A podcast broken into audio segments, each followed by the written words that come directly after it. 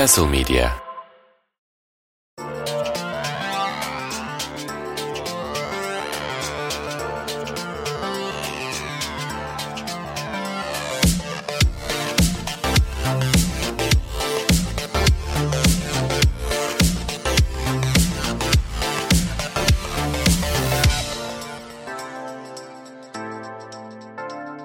Castle Medya'dan herkese merhabalar. Gölgede ve Güneşte'nin 17. bölümüne hoş geldiniz. Ben Nihat Güven, Onur Özgen ve Fikret Özer'le birlikte haftalık futbol sohbetimize başlıyoruz efendim. Onur hoş geldin abi. Hoş buldum. Fikret hoş geldin. Merhaba. Cem Yılmaz'ın efsane Gora filminde bir sahne vardı. Hatırlayacaksınızdır. Bu Garavel Usta'nın evinde Matrix filminden uyarlanan ve Commodore 64 üzerinden çalışan bir yetenek yükleme makinesi vardı yükleme seçeneklerini sayıyordu Garavel sahnede. İşte kung fu, aikido, karate, jujitsu, orta iki fizik, taocu seks, best of MFÖ falan şeklinde. Arif de hocam karışık var mı ya diye soruyordu. Garavel var dediyse hani tamam karışık yüklü hocam ya falan diyordu Arif. İşte tam o sahnede olduğu gibi abi bugün biraz karışık yükleyeceğiz.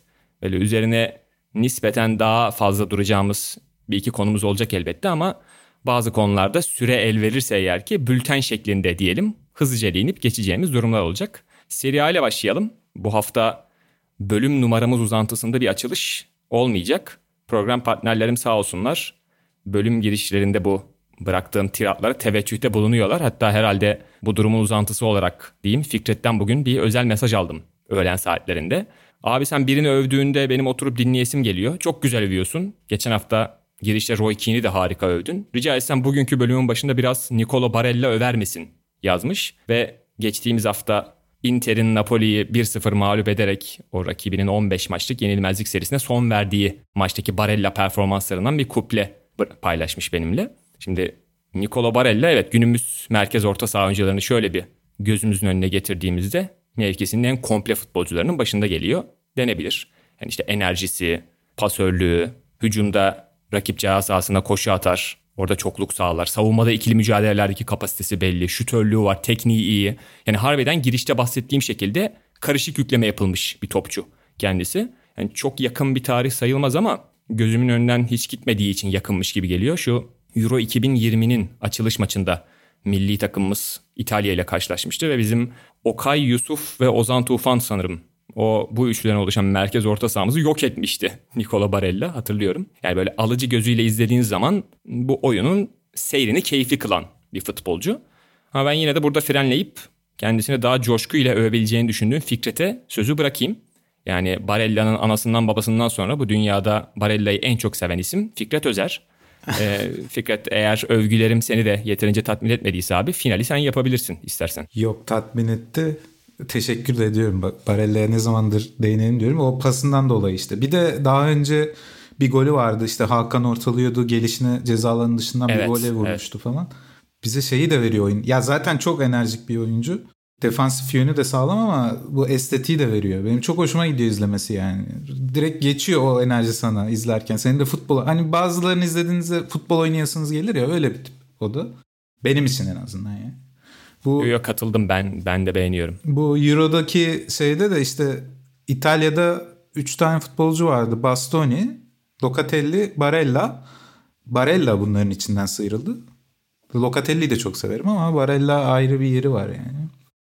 Diyecek bir şey bulamadım ya. Güzel açtın. Güzel anlattın kendisini. O zaman, o zaman Serie A üzerinden Onur'a döneyim. Geride kalan hafta çift maç haftasıydı Serie A'da namalup ünvanını kaybettiğini belirttiğimiz Napoli bir sonraki maçta Sampdoria deplasmanında 2-0 kazandı ve liderliğini devam ettiriyor. Onur'un sene başındaki şampiyonluk adayı Roma son şampiyon Milan deplasmanında maçın bitimine herhalde böyle 3-4 dakika kala 2-0'dan döndü. İyi bir maçtı. Sezona felaket başlayan Juventus ise galibiyet serisini 8 maça sanırsam çıkarıp ligde ikinci sıraya yerleşti. Ama yani bir Allegri serisi olduğu böyle 500 kilometre öteden belli olan bir galibiyet serisi gerçekten. Yani 8 tane maçın sanırım 5 ya da 6 tanesini 1-0 kazandı Juventus. Gol yemediler ee, Onur, bu arada o 8 evet. maç. Evet değil mi? Yani orada Onur'a tam burada dönebiliriz. Onur Serie A'nın gidişatı hakkında diyeyim. Elf gözlerin neler görüyor? Hislerin ne durumda? Sana da onu sormuş olayım. Evet yani Juventus'un bu şeyini beklemiyordum açıkçası pek ben. Böyle bir toparlama. Sürpriz oldu diyebilirim. Değil mi? Ama onun dışında yani Napoli'de şu an evet Inter'e karşı ilk mağlubiyetini aldı ama o maçta dahil olmak üzere bir dramatik bir düşüş görmedim Napoli'de. E, nitekim yine iyi bir futbolla Sampdoria'yı mağlup ettiler bir sonraki hafta. Bir şey beklemiyorum yani ikinci yarı. Sarri dönemindeki gibi yine biliyorsunuz şey Napoli'nin uzun süre önde götürüp yine Allegri ile Juventus'tu o. Geriden gelip şampiyon olduğu iki sezon vardı galiba.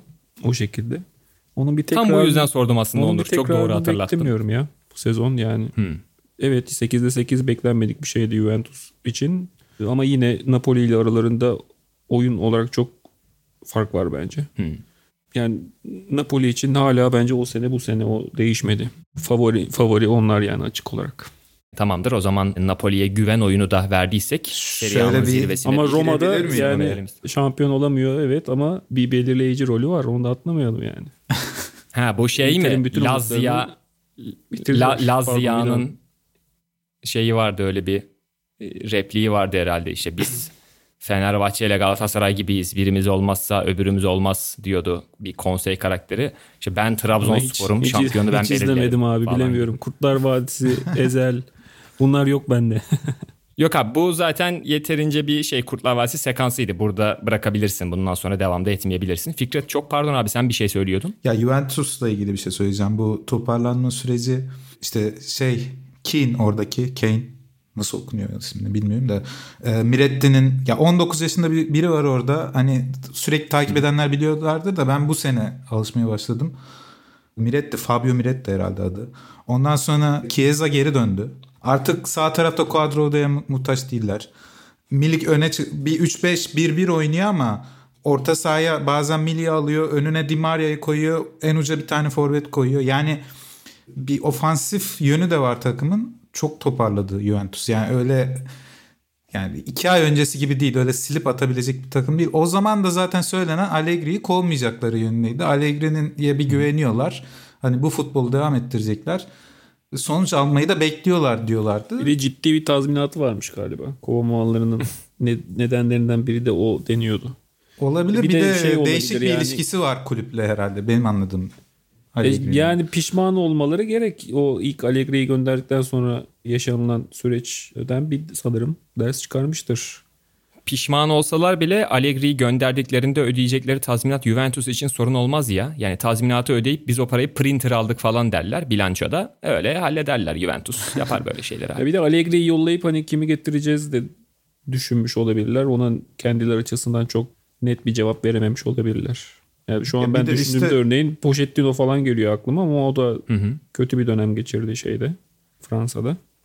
Yani Allegri bir de yani ben Allegri futbolunu sevmeyenlerdenim ben de ama hatalarını görebilen bir adam. Şimdi Napoli'nin de açıkları var oyununda. Birazdan Fenerbahçe'ye gelince zaten benzer şeyler konuşacağız. Napoli hani oynadığı sistemde ısrar edip o açıklarını na rağmen mi şampiyon olmaya çalışacak yoksa Allegri'nin yaptığı gibi oynamalar mı yapılacak takımda? O belirleyici yok. Yani bu haftaki maç Napoli'yi paniğe sürükleyebilir yani.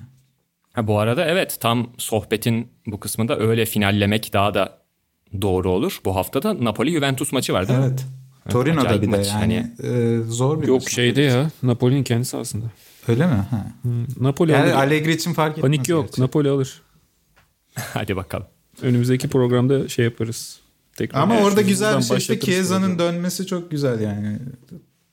Güzel bir takım oldu Yani yeniden Juventus. Ligede evet ligede böyle bir şey olsun bir daha da bir renk gelmiş olsun. Aslında Juventus'un hakimiyetinin azalması o rengi tekrar geri kazandıran şeylerden biriydi ama hani şey Juventus'suz Serie A olmaz falan gibi böyle tam fanatik gazetesi, fanatik İtalya edition bir başlık atmış oldum. E, ama ben de bu haftaki maçı merakla bekliyorum. Bu arada e, Napoli'yi sene başında da Fenerbahçe'ye benzetmiştin Fikret. Şu an tekrardan benzer bir yerden yine benzer bir yere temas etmiş oldun. Sonda Fenerbahçe'ye değinebilirsek eğer ki süreye göre öyle tamamlayabilirsin o konuyu da. Ben az önce Sampdoria Serie A falan dedik. Serie A kısmını kapatırken biraz da tatsız bir final yapacağım maalesef. 90'lı yıllar Serie A'sı yani sahip olduğu takımların ve oyuncuların kudretlerini göz önüne alacak olursak yani dönemi itibariyle dünyanın en sansasyonel ligiydi desek bilmiyorum yanlış olur mu? Olmaz gibime geliyor. İşte o dönemki İtalya Ligi'nin en önemli ikonları arasında sayabileceğimiz iki oyuncu Sinisa Mihailovic ve Gianluca Vialli. Yaşadıkları sağlık sorunları sebebiyle hayata gözlerini yumdular maalesef.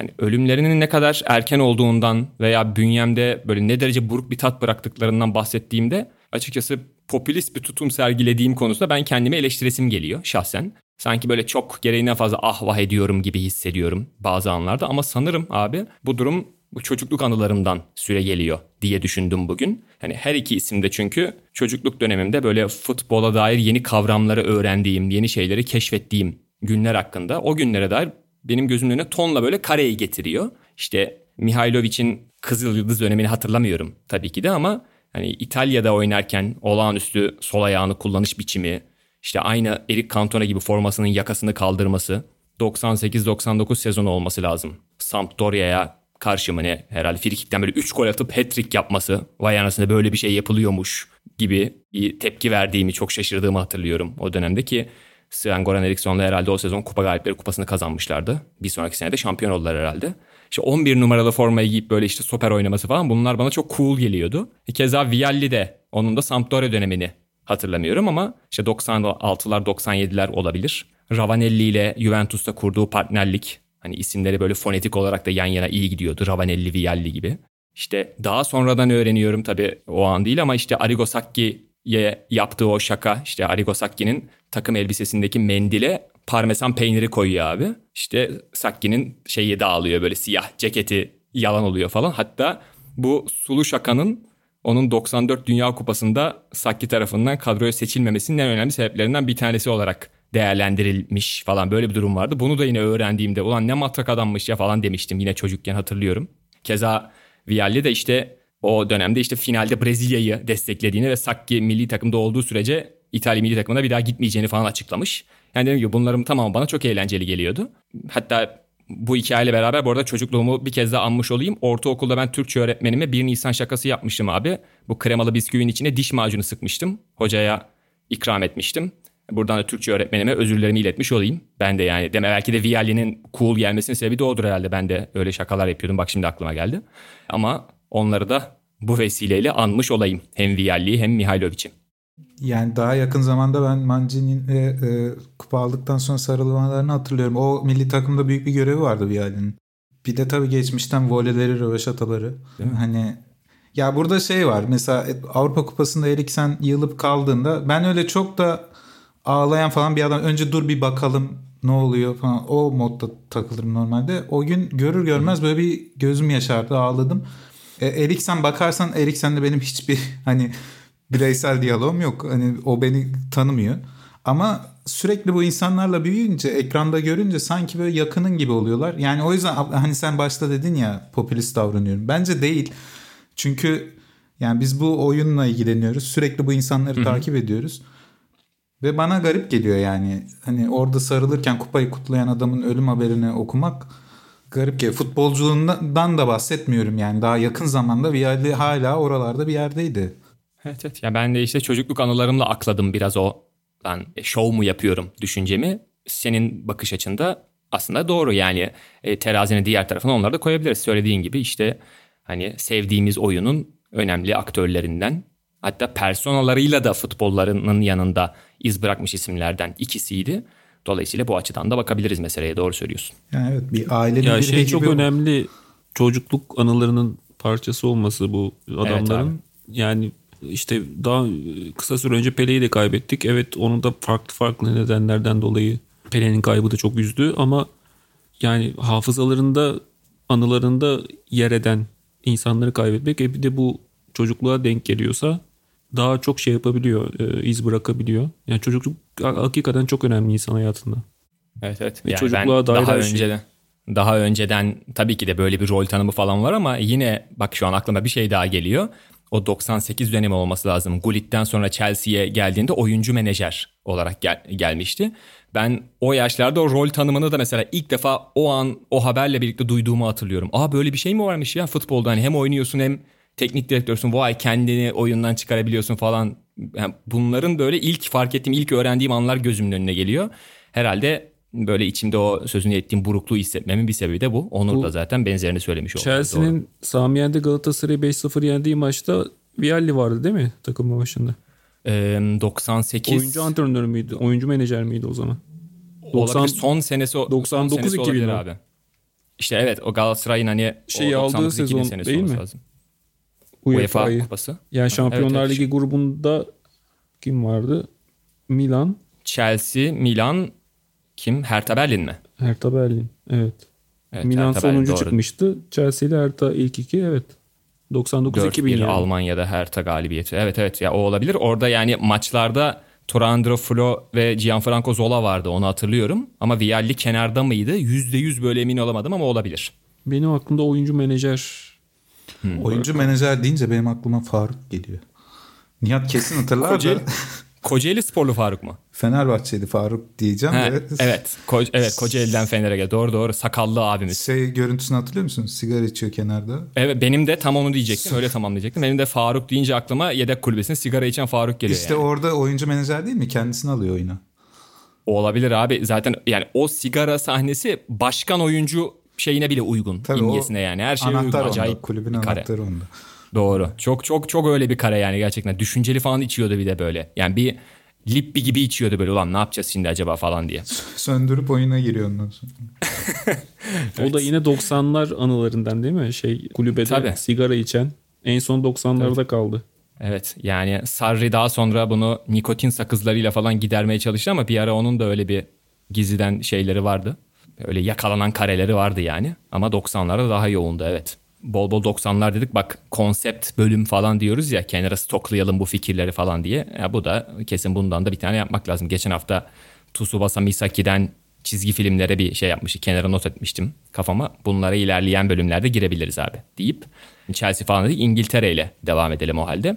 Geride bıraktığımız hafta FA Cup 3. tur maçları oynandı ki bugün de lig kupasında yani diğer adıyla Carabao Cup'ta çeyrek final maçları oynanıyor kaydı yaptığımız şu dakikalar itibariyle United'da Old Trafford'da Charlton'ı konuk ediyor. Ben de geçen haftaki Onur Özgen gibi kayıt esnasında Arsenal Newcastle maçını izlediğinden bahsetmişti Onur. Ben de göz arada böyle maça bakıyorum. Premier Lig'e dönecek olursak bir iki selam gönderip e, bazı takımlara ve isimlere Onur'a oradan pas atayım istiyorum. Yani şöyle Gölgede ve Güneşte ekibi malumunuz olduğu üzere Premier Lig'i objektif gözle izleyen bir ekip değil. Ben United ceketiyle seyrediyorum. Onur ister istemez bir Arsenal montuyla şu Arsene Wenger'in cebini bir türlü tutturamadığı o meşhur montla izliyor diyelim. Fikret de muhtemelen o hafta Fantasy Ligi'nde hangi takımdan oyuncu aldıysa veya iddiada kime para bastıysa onu tutuyordur falan. Fikret harbi senin takımın kim abi Premier Lig'de? ben tutmuyorum takım ya. Çok ya, eskiden Newcastle'ı tutardım. Hmm. Onu konuştuk hatta şey. bu Manchester'la efsane maçları olur diye bunların. Ben ne zaman bu ikisini evet. izlesem 4-3 falan bitiyordu maçları. İşte doğru doğru hatırladım söylemiştin. Shearer'ın çılgın attığı dönemler ki Onur da Shearer sever bu arada. Abi lise tuvaletimizde ee, kocaman buna hala anlam veremiyorum. Alan Shearer yazıyordu. Kocaman ama. Kim yazmışsa 90'lardan bahsediyoruz. Yani. Güzel. O, oradan geliyor olabilir. Ama artık olabilir. hiçbir alakam yok Newcastle'da. Bir ara Arsenal'i sevdim. Bir ara Spurs'u sevmiştim. Ama işte. Ya Suudi Arabistan ilişkisinden sonra senin Newcastle'la olan bağın her geçen gün biraz daha kopar abi zaten. yok zaten şu anda hiç yok. Manchester United son 10 maçta 7 galibiyet 2 beraberlik aldı. Yani şöyle şu anki resme bakıldığında Ronaldo krizini geride bırakan bir kulüp. İşte Ten Hag Hoca camiaya bir şekilde umut aşılamayı başardı. Ben kendimi hariç tutuyorum o umuttan biraz. Sebebine uzun uzun girmeyeceğim. Yani tam olarak bu umudu ben paylaşmasam da bir şekilde üst sıralara yani nasıl diyeyim böyle götüm götüm yaklaşmak olarak tabir edebileceğimiz şekilde ilerleyişini sürdürdü United. Arsenal ve City'nin ardından 3. sıraya geldi takım. Orada ilk selamı şu Vegors mevzusu üzerine şey yapabilirim, ata, e, verebilirim. Yani Vegors'un olası potansiyel transferiyle Beşiktaş United zincirine bir yeni halka daha eklenmek üzere gibi görünüyor şu anda. İşte 96'da bir Beşiktaş'ta bir yıl oynadıktan sonra 97'de United'a giden Ronnie Jonsen vardı. Ki Sir Alex Ferguson hayatımın en keleperi güzel transferlerinden biridir falan demişti. Daha sonra 2 milyon euro falan sanırsam o dönemin parasıyla öyle bir ücreti vardı. 2006'da yine benzer bir para Kleberson gelmişti United'dan Beşiktaş'a. Yani bir buçuk yıl Beşiktaş'ta oynadığı dönemde Fenerbahçe'ye o İnönü'de 35 metreden attığı frikik golü haricinde ne oynadığına dair kimsenin fikri yoktu bence. Anelka'nın kapalının önünden aktığı Koray'ı alabora ettiği maç. Bir de Jorge Mendez'in karanlık işler çevirdiği dönemler 2010-2011 dönemleri. Bir de Bebe vardı. Bizde 3-4 maçta 40-45 dakika oynayıp niye geldiği anlaşılmayacak şekilde giden. Yani Bu şey üçgeniyle işte atıyorum Ronaldo Arabistan'a gidiyor işte Vegors United, Abubakar Beşiktaş tekrardan falan. Bu üçgen ister istemez bir şey gülümsetiyor yani beni. Beşiktaş ve United'a olan sempatimden şey, dolayı. Burada bir kısa bir araya gireyim. Elbette. Çetin Cem Yılmaz bizim şey mesaj atmış programın başlamasına çok kısa bir süre önce.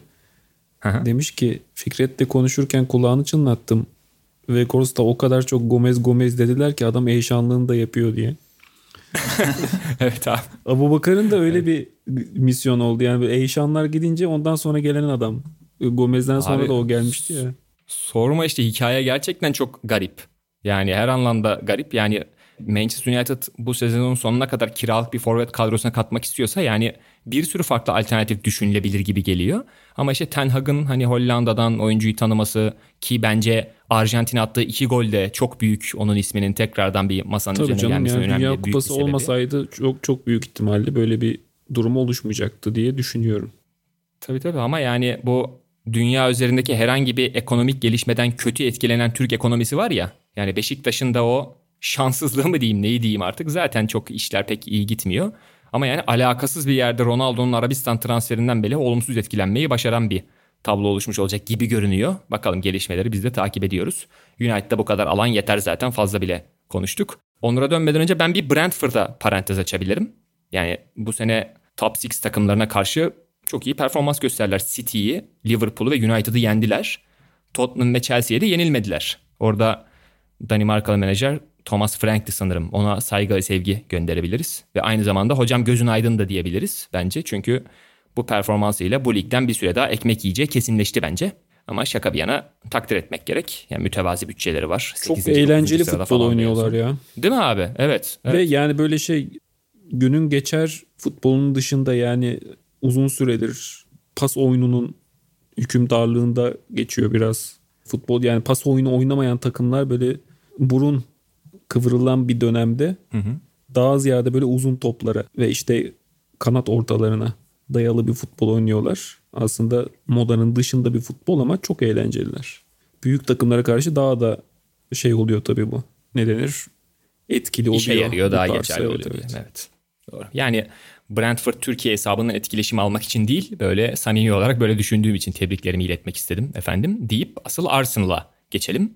Onur ben böyle aklıma gelenleri şu semt pazarlarında kullanılan teraziler var ya yani bir tarafa böyle kilo şey bırakılıyor ağırlık falan. Ben o şekilde kafama şu an gelenleri böyle bırak şey yapıp teraziye koyup yorumu sana bırakacağım. Şimdi uzun vadede direnç gösterebilecek bir tek City var görünüyor gibi ki bu Premier Lig'in son dönemki gidişatına göre düşünecek olsak farklı bir durum. Yani City hariç böyle sanki başka biri kafayı oralara çıkaramayacak gibi. Yani Bu bir daha tarafta. önce City'ye kimler direnç gösterebilir diye konuşuyorduk. Şu an en azından Arsenal Evet, evet. bir, Bir- yer değiştirdi orada.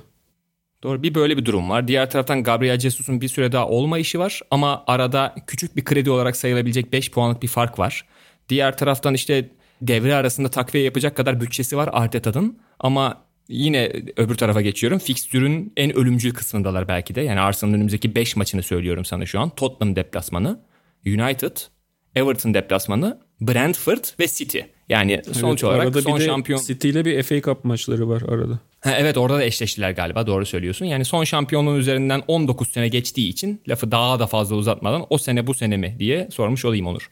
Evet yani çok kritik bir şu an dönemeçteler. Yani açıkçası Dünya Kupası'nda Jesus'un sakatlık haberi gelince benim biraz moralim bozulmuştu. Yani daha kötümser bakıyordum Arsenal'ın şampiyonluk mücadelesine. Yani Jesus'tan sonra ciddi bir düşüş bekliyordum ama bir Enketya sürpriziyle karşımıza çıktı Arteta neyse ki. Gerçekten çok iyi oynuyor. Yani son Newcastle maçını da çok beğendim. Yani 5 puanlık bir fark var şu an evet.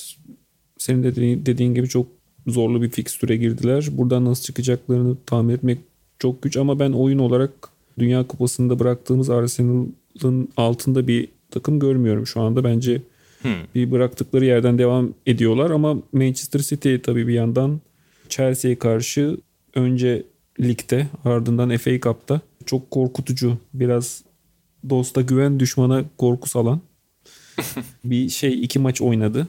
Yani kolay değil City ile daha kaç hafta var? 21 hafta var sanırım. Tabii çok Mücadele edebilmek çok kolay değil. Yani ben 5 puanlık farka rağmen hala en büyük favorinin City olduğunu düşünüyorum ama sonuna kadar bence Arsenal götürecektir bu şeyi yarışı. Yani bu 5 maçlık zorlu fikstürden de yarasız beresiz çıkmaları bence çok zor ama berbat bir hani 5 maçta bir galibiyet falan gibi bir şey de beklemiyorum. Hmm. Öyle diyeyim. Belki 5 maçın sonunda kafa kafaya gelirler ama City'de. Hadi bakalım. Öyle bir Hadi durum bakalım. olabilir. Newcastle maçı da yani ilk 10 dakika çok şey yaptılar. Tabii podcast kaydı yaparken geçen hafta göz ucuyla izledim ama ilk 10 dakika şeydi. Çok iyi bir giriş yapmışlardı. Pozisyon üstüne pozisyon buldukları ama sonra Newcastle çok iyi sınırladı. Sinir bozucu bir takım yani Newcastle'da. Onlar da şu an 3. sırada. Şampiyonlar Ligi'ne katılma mücadelesi veriyorlar. Ee, Evet. bilmiyorum ne kadar bunu götürebilecekler. Tottenham ve Liverpool şu an dışarıda görünüyor. Liverpool galiba iki ileri bir geri olacak bu sezon. Öyle görünüyor. Evet hatta sırf bu yüzden Fikret'e de o konuda küçük bir şey soracaktım Premier Ligi bitirirken ben de. Doğru diyorsun. Yani Şampiyonlar Ligi'ndeki performansları birazcık sanki resmi Klopp tarafını belirleyecek gibi. Ben sırf hafızamı tazeleyin diye bir Fikret'e danışayım istemişim. E, Fikret Klopp'un Dortmund'dan ayrılışı şey mi abi böyle tekrardan kulübe dönebilir bir kapı bırakan cinsten miydi? Ben mesela bunu hatırlayamadım bayağı. Klopp Dortmund ilişkileri hala süper mi? Hala Sen onu hala musun? çok iyi ya. Dortmund'dan ayrılışı yani şöyle. Bunu anlatmışımdır belki. O sezon 18. sıraya düştü işte sonuncu sıraya. Bir basın toplantısında kulüp özür diliyor. Şey diyor ama diyor bunu toparlayacağız ama artık vedalaşma vakti geldi gibisinden bir şeyler söylüyor. Arkadan kadın bir gazeteci mi veya orada herhangi bir çalışan mı ne ağlamaya başlıyor bizi bırakmayın diye. Kalkıyorlar bir öyle bir sahne var. Hani ne olursa olsun siz kalın. Klopp burada kalsın bir yere gitmesin. Biz ne, biz bir şekilde toparlarız kafası vardı. Klopp isteyerek ayrıldı. Yani yetti dedi daha doğrusu. Ben aynı Liverpool'dan ayrılırsa da aynı şekilde ayrılacağını düşünüyorum zaten.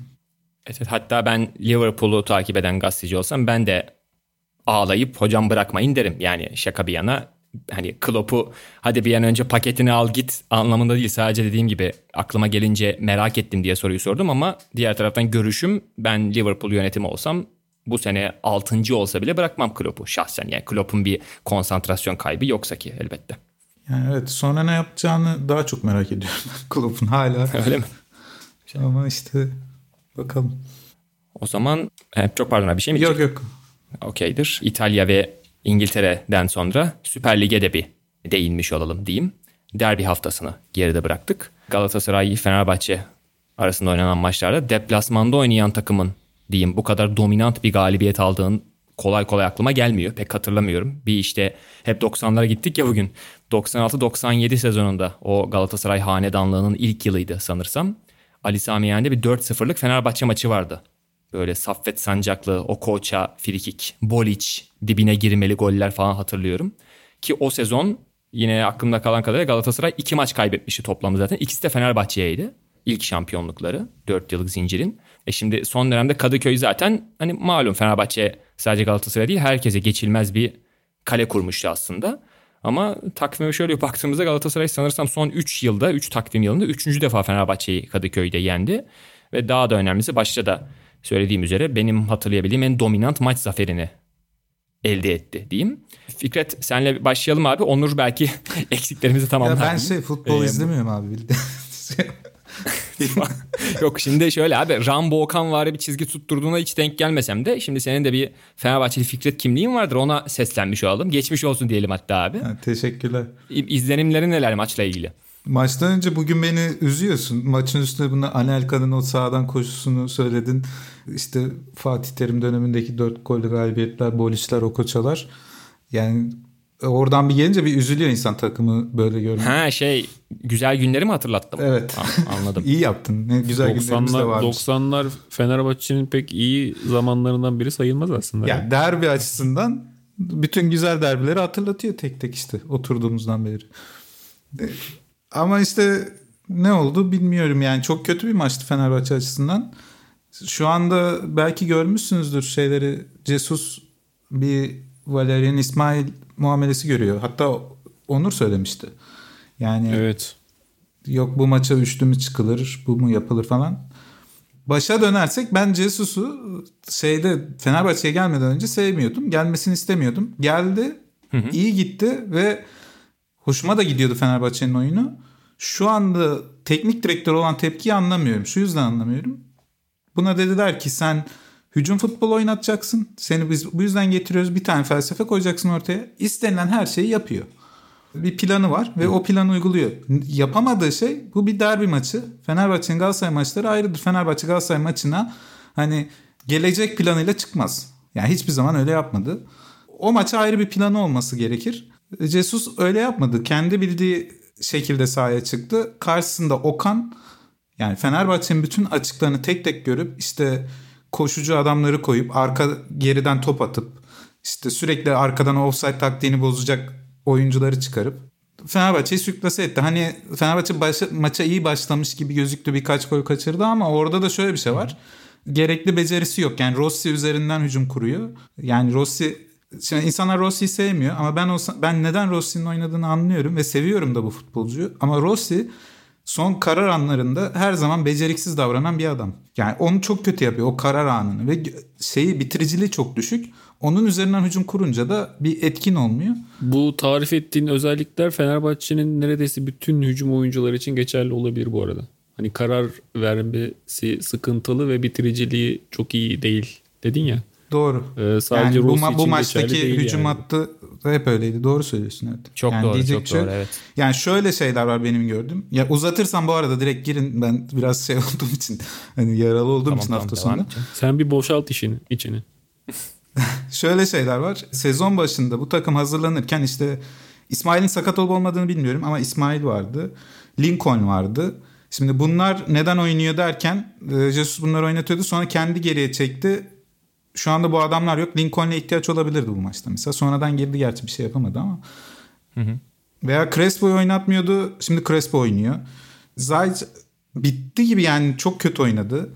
Yani hep bu rotasyon övüldü ama aslında o rotasyon yüzünden bu futbolcular form da tutamadı bir şekilde. Bir de kanatlara koydukları yani size karşı iki tane hızlı kanatla oynanıyor. İşte bir yerde Raşika var bir yerde Kerem var. Bunlar dripling de yapabilen oyuncular. E, ortada Mertens var. İleride de Barış var. Barış Alper Yılmaz mı? Evet. Evet. Bu arada Okan'ı o yönden de tebrik ediyorum. Bir ay önce böyle bir futbolcu yoktu. Yani varsa da ben bilmiyordum. hani muhteşem oyunu. Esen, bunlara karşı hücum asıl yeri yani çıkış yeri hücum olan atak, atak yönü daha kuvvetli olan iki tane kanat bekiyle oynuyoruz. E, defans çakılı yani diyecek bir şey yok. Bir, bir, bir ton teknik direktör hatası var. Ha şuradan Jesus kendini savunabilir. Bu benim felsefem ben bunu oturtacağım. Bunun en iyisini biz yapacağız diyebilir. Haklı da olabilir.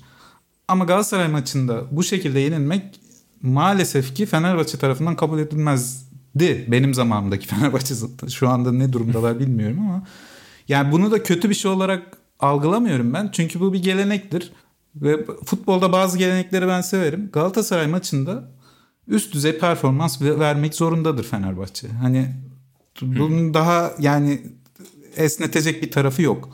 Ha Fenerbahçe çok iyi oynasaydı da 3-0 yenilseydi nasıl olacak bilmiyorum da o. Ya bir tane olimpiyatta 5 yediğimiz maç var. Fenerbahçe o maçta çok iyi oynadı. Mondragon inanılmaz bir maç çıkarttı. Evet. Yani maçın ilk yarısı 3-0'da herhalde. Geri dönecek diye korkuyordu Galatasaraylılar. Galatasaraylılar Türkiye Kupası finali. A- Aynen. O, o- yani o maçta o şekilde yenilmek o kadar koymuyor. Ama bu maçta bütün Fenerbahçeliler birlik olup biz yenilgiyi hak ettik diyorlarsa burada büyük bir sorun var. Yani çünkü kolay kabul edilebilecek bir şey değil Galatasaray yenilgisi. Biz hak ettik deniliyorsa Kimse bu şey olgunluğu değil mi? gösterebiliyorlarsa Fenerbahçeliler.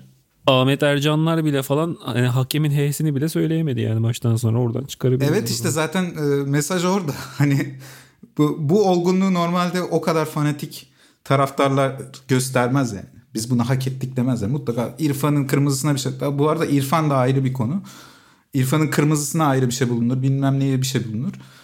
İrfan konusunda Evet, da şöyle bir şey var. Bu futbolcular ne yaptı da hani bu hareketleri daha önceki programlarda da konuştuk. İşte Pereira'ya da yaptı aynısını. Oyundan çıkarıyor diye protesto etti.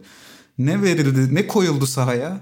Daha önceden Fenerbahçe için veya herhangi ya uzaktan şut atıyor İrfan. Çok güzel atıyor. Başka da bir özelliği yok benim için. Hani Evet, sen zaten İrfan Can Kahveci'den genel olarak halinden tavrından pek haz etmediğini bildiğim için böylesine kritik bir maçtaki verdiği görüntü işte atıyorum koşa koşa oyundan çıkması falan iyice hani tırnak içinde söylüyorum senin adına sinir bozucu olmuş olabilir abi.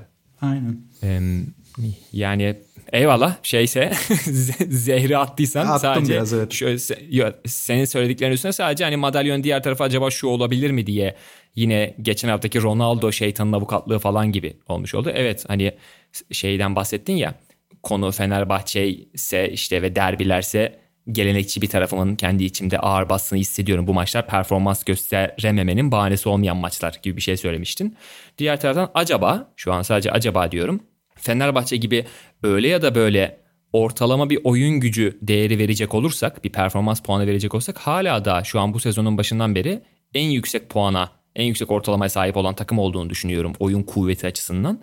Ve takımın durumu hala da buyken Jesus'un bu maçtan sonra da bu arada yansıdı Jesus'un demeçlerine. Yani şey var birebir bu kelimeleri kullanmadı ama Tamam derbide olmuş olabilir ama sonuçta hani yine bir maç kaybettik. Arada fazla puan farkı da yok. Geri döneceğiz. Paniğe gerek yok. Havasında olması yani o senin şikayet ettiğin derbiyi yeteri kadar ciddiye alamadı gibi bir yere geldi ya tam öyle demedin ama sanki dolaylı olarak böyle demiş oldun diyeyim. Acaba oradaki o psikolojisi o sakinliği uzun vadede Fenerbahçe'nin işine mi yarayacak? Yani hoca sakin kalacak ve böylece şu an kötü gibi görünen durumun üstesinden o sakinlikle gelecek gibi bu acaba yararlı olur mu diye aklımdan geçti. Ben de onu paylaşayım istedim. Olabilir evet. Ama şeyi de kabul etmek lazım yani Okan işte outplay derler ya hani Jesus'u evet, evet. sildi yani hani strateji olarak. Ya bu önemli değil zaten hani ben şeye katılıyorum. O yüzden İsmail'i de destekliyorduk hatırlarsanız. Hani bir felsefe koyulsun buna birkaç sene sabır gösterilsin. Bu, yine bu programda dedik yani futbol basit bir şey bir şeyi tekrar edersen ısrar edersen başarı gelir. Fenerbahçe için de başarı gelir. Ben sadece o günlük hani Kadıköy'e gidip 3-0 yenilmek şey ağır bir şeydi. Ben maça giderkenki zamanlarda onun etkisi olabilir hala üzerimde. Ama bu 3-0 yenilgi de hani böyle sürklase ediliyorsun hani. Hı hı. Sağ, evet, daha büyük evet, 6-0 evet. da olabilirdi o maç. Yani onun da öcü alınabilirdi. Öyle bir şey var yani. Doğru yani Okan Hoca'nın Jesus karşısındaki masterclass'ı diyeyim onun mat etmesi dediğin tam noktada Onur'a bir selam edebiliriz. Yani Türk spor dünyasında Ayvalıklı Jonathan Wilson olarak da bilinen sevgili Onur Özge'nin derbi yorumlarını bu arada Duvar Gazetesi'ndeki maç yazılarından da okuyabileceğinizi veya Duvar Gazetesi'nin YouTube kanalının yeni içeriği olan Uzak Köşe isimli programdan da izleyebileceğinizi hatırlatmak isterim hepsinden önce. E, Onur Mithat Fabian Sözmen'le yeni bir seriye başladı. Bu arada programda da inanılmaz bir ismi var. Bulana helal olsun diyeyim. Gerçekten çok takdir ettim. Programın isim, isim babası ee, da Nihat bu arada. Evet, Te- yine teşekkür, zorla. Teşekkür zorla ediyoruz buradan kendisine.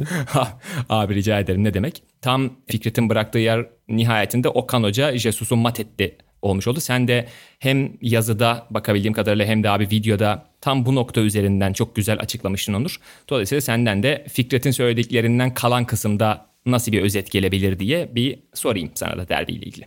Söyleyecek aslında pek bir şey yok. Doğru yani Galatasaray'ın Fenerbahçe'yi yenmesiyle beraber bir Okan Buruk'un Cesus'u da çok net mağlup ettiğini söyleyebiliriz diğer tarafta.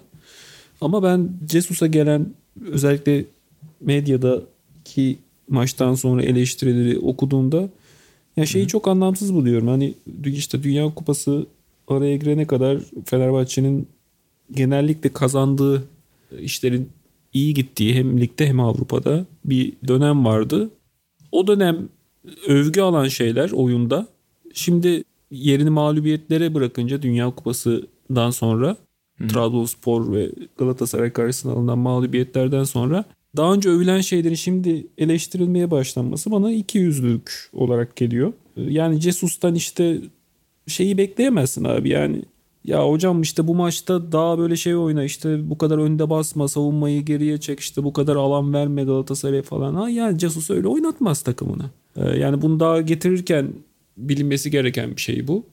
Ve dediğim gibi yani herkes çok mutluydu Jesus'un oynattığı futboldan işte eğlenceli geliyordu ve aynı zamanda kazandırınca tabii bu oyun daha da mutlu ediyor insanları. Ama yani şu an Jesus'u eleştirebilecek, Jesus'un oyununu eleştirebilecek sadece şeyler olabilir bence. Yani bu kazanırken de sen bu oyunda bir sorun görüyorsan e, ya bu kadar da şey geçiş odaklı oynanmaz biraz işte topa basmak lazım falan diye düşünüyorsan evet şu anki durumu da eleştirebilirsin ama yani bir öyle bir böyle bana çok sağlıklı gelmiyor. Ve şu an şey yani gerçekten Valerian İsmail'e söylenen şeylerin benzerlerini duyuyorum ben medyada Cesus'a karşı. Benim hocaya en oyuna dair eleştirim şey olabilir abi. Yani çok fazla yani evet oyun fiziksel kalite üzerinden tarif eden bir teknik direktör Jesus hep böyleydi. Benfica'da da böyleydi. Sporting Lisbon'da da böyleydi. Daha öncesinde Braga'da da böyleydi. E, Fenerbahçe'de de böyle ama şeyi çok geri plana attı. Teknik becerisi yüksek elindeki oyuncuları çok fazla göz ardı etti bence. Yani başta Arda Güler. E, evet fiziksel olarak daha kat etmesi gereken çok yol var. Bu doğru. Jesus'un takımına bu anlamda ayak uydurması ilk etapta çok kolay değil. Bu da doğru ama Fenerbahçe'nin de net olarak özellikle ön tarafta bir teknik beceri anlamında bir kalite eksikliği var. Yani bu Galatasaray'la karşılaştıklarında daha da görünür hale geldi. Ve yani Arda'dan daha fazla faydalanması lazım bu süreçte. Çünkü yani rakipler de ister istemez artık aradan süre geçince sizi çözüyor. Yani size daha fazla önlem alıyor. Bu önlemleri çözecek birinci şey de yetenek yani futbolda yetenek hala çok önemli. Ben o konuda Jesus'un biraz dengeyi kuramadığını düşünüyorum. Yani hmm. tamamen fiziksel özellikleriyle ön plana çıkan oyuncuları sahaya atması işte Arda Güler'in yanında şeyi de ekleyebilir. Mesela orta sahada Mihail Zayt. Onun da ben çok az süre aldığını düşünüyorum. Evet o teknik kapasiteyi arttırabilecek. Evet isim. evet yani daha Fenerbahçe Dünya Kupası öncesinde çok sürprizli bir takımdı. Bu biraz şeye de bence borçlulardı. Avrupa Türkiye arasında çok fazla maç oynar oynanırken çok fazla rotasyon yapmıştı. Jesus sıra dışı bir şekilde alışılmışın dışında bir şekilde ve bu onlara iyi gelmişti bu 11'deki sirkülasyon. Şimdi Avrupa maçları şey olunca ara verilince sadece yerel maçları oynayınca o şey de kalmadı. Sirkülasyon da kalmadı. Hep aynı 11'leri görmeye başladık Fenerbahçe'de. Ve daha tahmin edilebilir Evet oldular. yani şeyi kaybetti. Sürprizli bir takım olma özelliğini kaybetti net olarak. Yani bu bahsettiğim şeyleri toparlaması lazım. Ama ben şeyi düşünmüyorum. Yani işte farklı bir oyuna geçmesi lazım falan filan. Ya bu bunlar şey skora göre yapılan yorumlar bence. Ya bu arada ben bunu demek istemedim. Yani Jesus'un... Yok senin için söylemiyorum zaten. Ya. Sadece bu maç özelinde hani Okan seni çözmüş. Daha çözecek takımlar da var. Yani bir şeylerin olması lazım. dediğin olabilir. Ya defans kurgusu De işte Jesus öyle bir hoca değil abi yani. Evet yani o zaten anlaşmaya göre devam ediyor aslında Jesus. Hani evet. Sen de söyledin. Nasıl ne beklediysen onu veriyor takım aslında. Galatasaray maçında veremedi ama yani Arda'ya mesela hiçbir kritik yani süre vermiyor kritik maçlarda. Yani, yani İrfan fiziksel... artık özellikle bu kırmızı karttan sonra yani İrfan'ın bulduğu süreyi artık bundan sonraki süreçte benim Cesus'tan en büyük beklentim o olacak. Kendime mesela şeye kızabilirsin. Arda'ya neden sürekli kırmızı kart görüyor? yani bu burada bir şey var yani.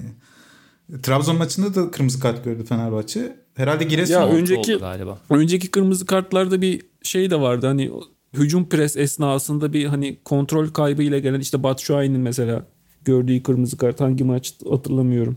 Giresun maçı mıydı? Olabilir bilmiyorum ben de. Yani Giresun ee, maçı da 10 öyle, kişilik. Öyle kırmızı kartlar da var hani pozisyon icabı ama yani bu son kırmızı kart tamamen bir İrfan Can klasiği yani sağda işler kötü giderken bir tüy daha onun dikmesi. Daha önce de gördüğümüz şeyler. Evet. E, ama eğer 6. kırmızı kart oldu galiba bu sezon Evet evet bu hoca sezon da bahsetti yani Ciddi bir sorun tabii.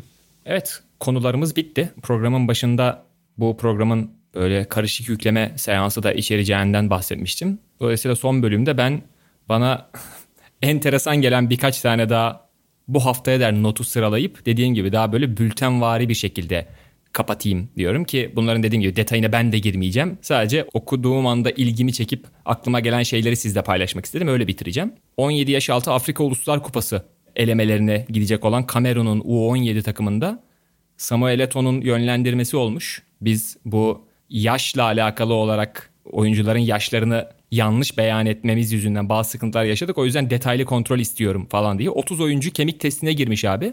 U17'den 21 tanesi testi geçememiş Kamerun'da. Hemen işte kadro dışı bırakılıp yerlerine yeni oyuncular alınmış falan. Bu, bu tip testleri de hep merak ederdim. Haber metninde yazmıyor. Hani nasıl yapılıyor falan diye. Oturum ona bakındım haberi okuduktan sonra. İnsan el bileğini MR'ını çekiyorlarmış. Oradaki kemiğin gelişimi bu konuda fikir veriyormuş falan. Benim aklıma e, Sergen Yalçın'ın yorumculuk yaptığı 7-8 sene önce o dönemde işte şey Afrikalı oyunculardan bahsederken ya zaten Afrikalı oyuncuların tamamında 5-6 yaş küçültme var. İşte atıyorum Ebu'ye, Emenike'ye bu adamların fiziğine bakın. 20 yaşlarında nasıllardı şimdi hala aynılar. Bize 20 dendiğinde 20 değillerdi falan şeklinde attığı tirat geliyor aklıma. Hatta Sergen Hoca orada gaza gelip ne Aurelio şu an benden büyük değilse ben de adımı değiştireceğim demiş. Yani Afrikalılardan çıkıp bambaşka yere gitmişti falan. Normalde kendisi Aurelio'dan bildiğim kadarıyla 4-5 yaş büyük. Bu haber metni Sergen Hoca'nın o açıklamalarıyla beraber beni gülümsetti. İkinci konu Gareth Bale futbolu bıraktı 33 yaşında. Biraz artık nasıl bir golf sevgisi ise diyeyim. Gerçekten yani bakıldığında adanın zengin futbol tarihinin kişisel olarak en görkemli kariyerlerinden birisini geride bırakarak aslında futbol bırakmış oldu. 3 tane lig şampiyonluğu var galiba Real Madrid'de. Bir 4-5 yıl olmuştu de. aslında bırakan futbolu. şey aynen ikinci defa bıraktı gibi bir şey okumuştum Onur. Tam Bize söylemeye yeni fırsat olabildi galiba. Evet evet tam tam ona benzer şaka oldu. Yani 3 e, İspanya Ligi kazandı diyordum. 5 tane de Şampiyonlar Ligi var. Ben hep onu Ryan Giggs'ten sonra böyle perfect match mi der yani kusursuz eşleşme olarak görüyordum yani. Galli 11 numara sol önde oynuyor. Yani bir şekilde United'a gelse daha uzun bir kariyeri olacağını hayal ederdim hep. Dolayısıyla Gareth Bale'ın de kariyerine, kariyer bitişine selam çekerken bu içindeki ukdeyi de söyleyeyim yani. Bale bir şekilde Tottenham üzerinden aslında gelebilmiş olsa David Moyes falan onu bir şekilde gerekirse Real'den de getirebilmiş olsa çok böyle yani birebir uyuyordu işte Giggs'ten sonraki Giggs diye. O hiç yaşanmadı ama. Son gördüğüm enteresanıma giden haberde Roberto Martinez oldu benim. Portekiz milli takımıyla anlaşmış hoca Fernando Santos'tan sonra. Şimdi Belçika milli takımının o altın jenerasyon denilen kadroyla 80 maçta 10 kez yenilmiş sadece. Baktım ama yani öyle ya da böyle o jenerasyonu nasıl kullandığı ve tam istenileni alamadığı da hep eleştiriye açık durumdaydı. Ben bir şekilde hocanın yani Martinez hocanın günlerdir kendi kişisel menajerine ulaşmaya çalışıyorum internette. İşte kariyer koçluğu olur, sponsorluk olur her türlü kişisel marketing faaliyeti konusunda kendisinden danışmanlık almaya talibim. Hocayı da aslında severim. Yani keşke kulüp futboluna geri dönse diye düşünürüm. İyi bir strateji uzmanıdır aslında ama nasıl bir şekilde kendisini Portekiz'e atabildi hakikaten helal olsun işi bağlayana diye içimden geçti. Kapanışta bülten yorumlarından bahsetmiştim. Yorumlarım bunlar da abiler. Martinez yorumuna güldüm içimden de. Yağlı yere atmış. Kendini yine öyle demişti birisi. Abi vallahi evet. Yani güzel iş. Güzel. Ya belki ee, menajerlik şeyleri kuvvetlidir. Bilmiyoruz. Değil mi işte benim de aklıma o geldi. Neyse deyip bu bu bölüme özel bu son haber başlıkları kısmından sonra da bu haftaki bölümümüze noktayı koyalım. Bizi dinlediğiniz için çok teşekkür ederiz. Tamam kardeşim abartma dinledik de incilerimiz mi döküldü yani başka ne yapabiliriz senin için sen onu söyle diyorsanız Spotify'da Gölgede ve Güneşte'yi 5 yıldızla puanlayabilirsiniz. Gelecek hafta yeniden görüşmek umuduyla efendim. Hoşçakalın. Hoşçakalın. Hoşçakalın.